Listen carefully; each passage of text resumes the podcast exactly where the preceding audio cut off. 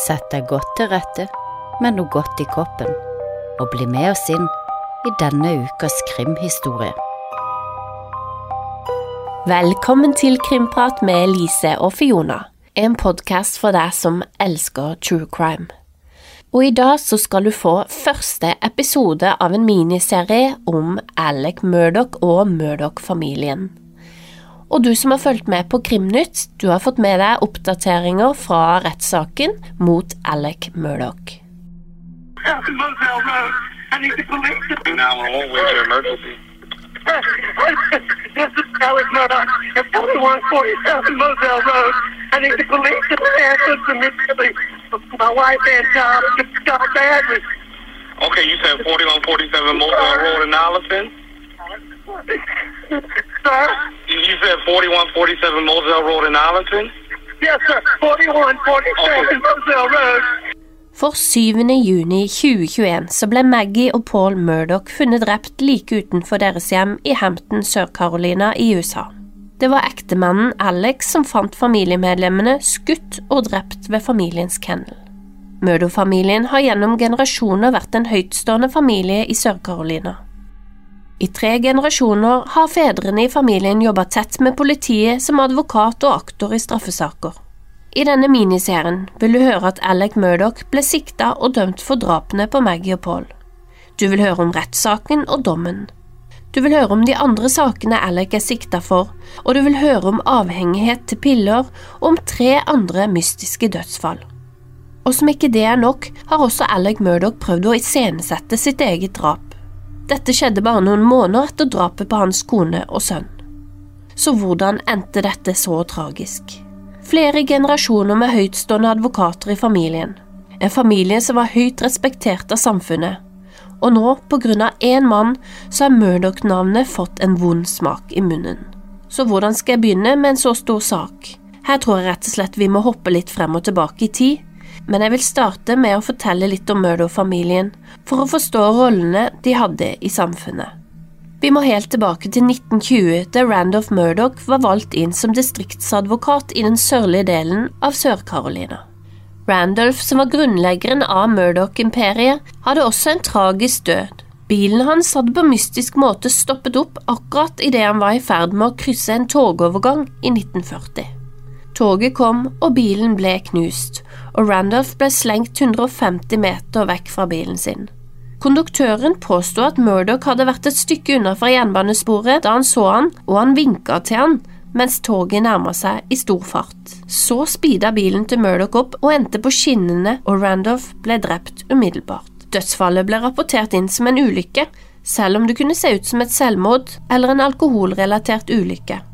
Nå var det iallfall sønnen Randolph Murdoch jr., eller den tredje, også kalt Buster, som skulle overta. Og det er altså Buster som er faren til Alec Murdoch, som nå sitter inne for drap. Buster, bestefar, må ikke forveksles med Alec Murdoch sin eneste gjenlevende sønn, som også ble kalt Buster. Murdoch-familien ble et kjent navn, og hele distrikt 14 ble kalt Murdoch-distriktet. De hadde både politisk og sosial innflytelse og makt, men det var også kjent at hvis noen i familien havna i trøbbel, så slapp de unna med å inngå forlik, og det havna aldri i noen rettssal. Du vil høre i historien at når sønnene Buster og Paul kom i trøbbel, så ringte de bare bestefar, og han ordnet opp. Maggie Murdoch, som var gift med Alec Murdoch og senere drept, kom fra enklere kår. Hun møtte Alec på folkehøgskolen, og sammen fikk de to barn, Buster og Paul. Maggie var kjent som en kvinne som satte status høyt, og det var tydelig at sønnene Buster og Paul kom unna med det meste. Venner beskriver at barna var det viktigste for Maggie, men noen foreldre mente at hun var for snill med guttene. Særlig Paul, som stadig fant på noe ugagn. Maggie var kjent for sine overdådige pelskåper, som hun gikk med både vinter og sommer. I Murdoch-familiens historie var det kjent at bestefedrene hadde elskerinner. Det kom også frem at Maggie hadde kastet Alec på dør etter en affære. Hun tok han likevel tilbake, men temaet går stadig opp. I retten kom det frem at Maggie hadde tatt dette opp to måneder før hennes død. Så ekteskapet var ikke perfekt, og det var flere ting som slo sprekker. Da dobbeltmordet skjedde i 2021, var søkelyset allerede på Murdoch-familien. I 2019 skjedde det nemlig en dødsulykke der 19 år gamle Mallory Beach ble kastet ut av en båt og brutalt drept. Dette skjedde etter en fuktig kveld der Paul Murdoch og vennene hans, som var 19 på tidspunktet, skulle på en Easter roast, en barbecue-fest. Vennene, som var de tre bestevenninnene på M, Mallory, Miley og Morgan, og Anthony som datet Mallory, og Connor som datet Miley, og Paul som datet Morgan. Det var altså tre par på tur. Stemningen var god til å begynne med, men ifølge Netflix-dokumentaren og intervjuet med de overlevende beskriver de at det gikk fra å være en hyggelig kveld til å snu til noe ubehagelig. Paul drakk mye, og istedenfor å gå hjem ville to av gutta på pub. Og da de kom tilbake, var Paul så full at ingen ville at han skulle kjøre båten. Paul hadde et alter ego på fylla, Timmy. Da ble Paul en annen person. Vennene kjente godt til Timmy, en overvåkningsvideo viser vennegjengen når de er på vei til båten. Paul er tydelig berusa og sjangler nedover brygga. Til tross for at vennene protesterte, ville Paul absolutt kjøre båten selv. Det var hans båt. Vennene ble urolige, og det oppstod en het diskusjon. Anthony ble sint og ropte og kjefta på alle, spesielt Morgan. De krangla om hvor uansvarlig det var å la Paul kjøre hjem, og hvem som burde ta styringen. Paul gikk bort til Morgan og så slår han til henne. Da er det tydelig for Miley at det ikke er første gang at dette skjer. Etter oppstyret finner de ut at det er best å bare dra. Paul drar hardt i spaken, og de går fra null til hundre. Miley og Morgan foran i båten, Paul og Connor ved styret i midten, og Anthony og Mallory bak. På dette tidspunktet har Paul kledd av seg og kjører båten i bare undertøyet, og Connor må stadig ta tak i styret når Paul slipper og båten begynner å gå i sirkel. Alle på båten er redde, og i Asher Creek krasjer de inn i en bro. Mallory og Anthony ble kastet av båten, og flere av de andre fikk store skader. De andre kommer seg til land, men Mallory er ikke å finne. Opptak viser at det Paul var opptatt av, det var å få tak i bestefaren sin. Her hører du Anthony ringe sin mor fra politibilen rett etter krasjet. Mom, y'all need to come quick. We damn, we hit a bridge in the boat. Connor's fucked up. Connor's messed up bad. We can't find Mallory. Morgan's messed up bad. We can't find Mallory, Mom. Where we at? We're at Paris Island. Paris Island Bridge. No, it's just tell her come to entrance to Paris Island. She's gonna miss us. Paris Island. Entrance to Paris Island. Entrance to Paris Island. I don't know, Mom. There's 50 cops out here. Everybody shit up. I said, there's 50 cops out here. And one of the cops was nice enough to let me call you.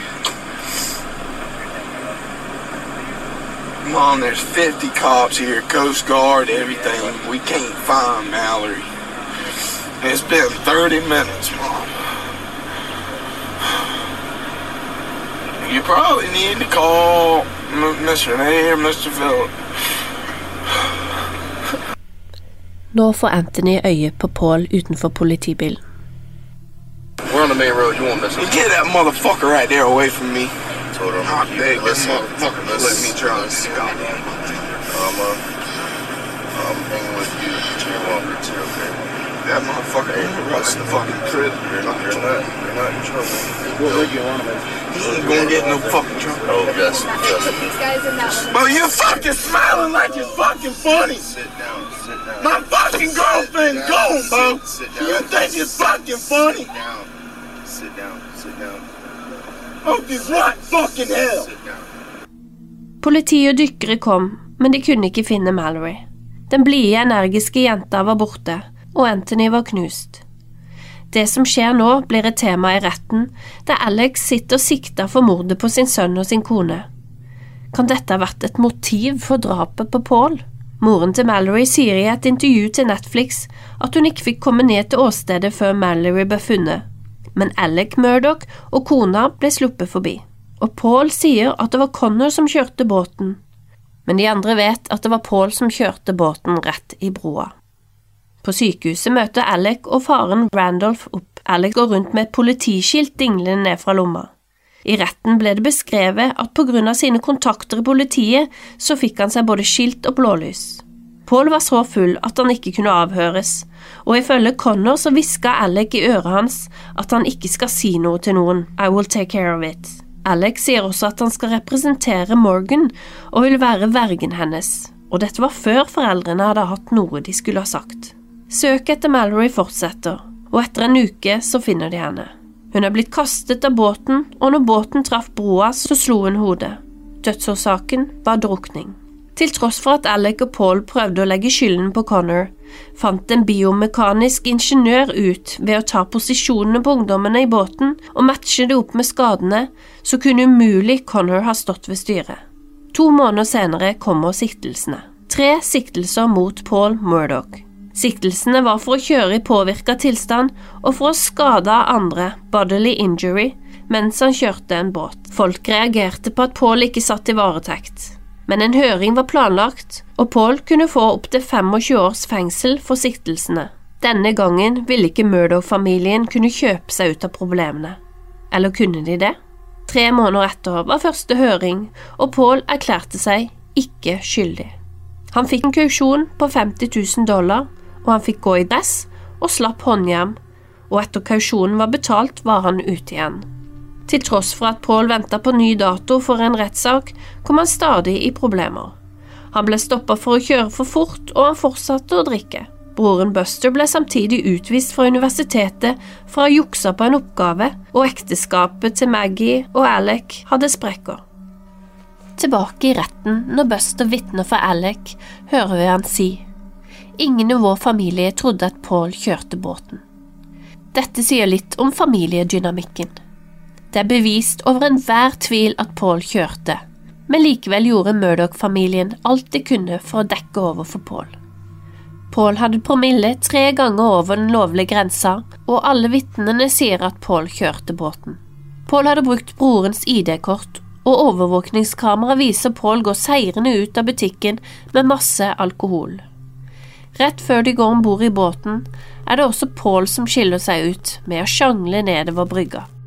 Vi kan også se at kjæresten Morgan er temmelig fortvila over Paul sin oppførsel. På sykehuset ser man Alec gå fra rom til rom med skiltet hengende ut av lomma. Det var tydelig at han hadde en agenda.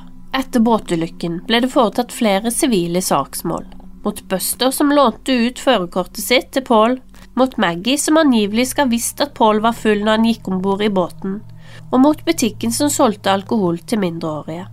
Det ble til slutt inngått et forlik etter drapet på Paul og Maggie, og Busters navn ble fjernet fordi de mente han hadde gjennomgått nok. Så hva vet vi om Paul?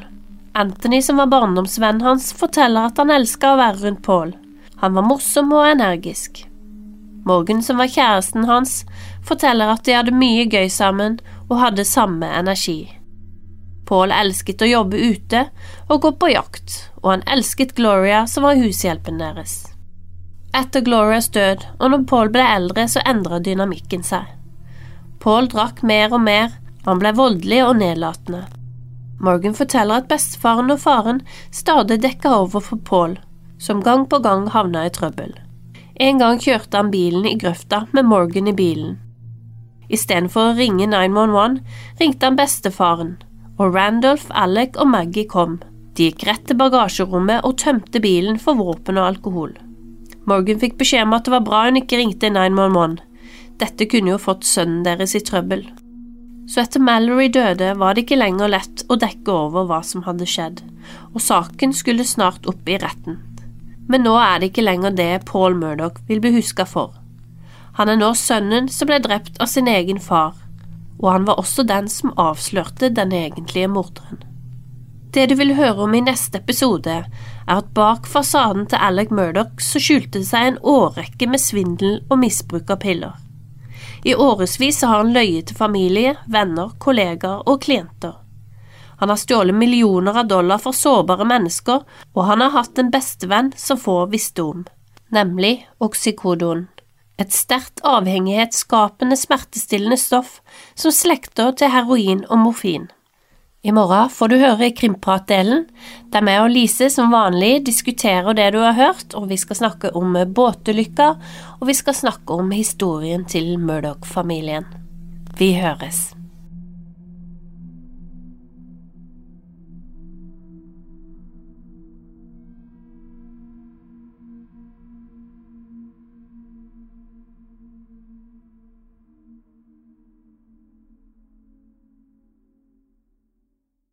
Har du et enkeltpersonforetak eller en liten bedrift? Da er du sikkert lei av å høre meg snakke om hvor enkelt det er med kvitteringer og bilag i fiken, så vi eh, gir oss her, vi. Fordi vi liker enkelt. Fiken superenkelt regnskap.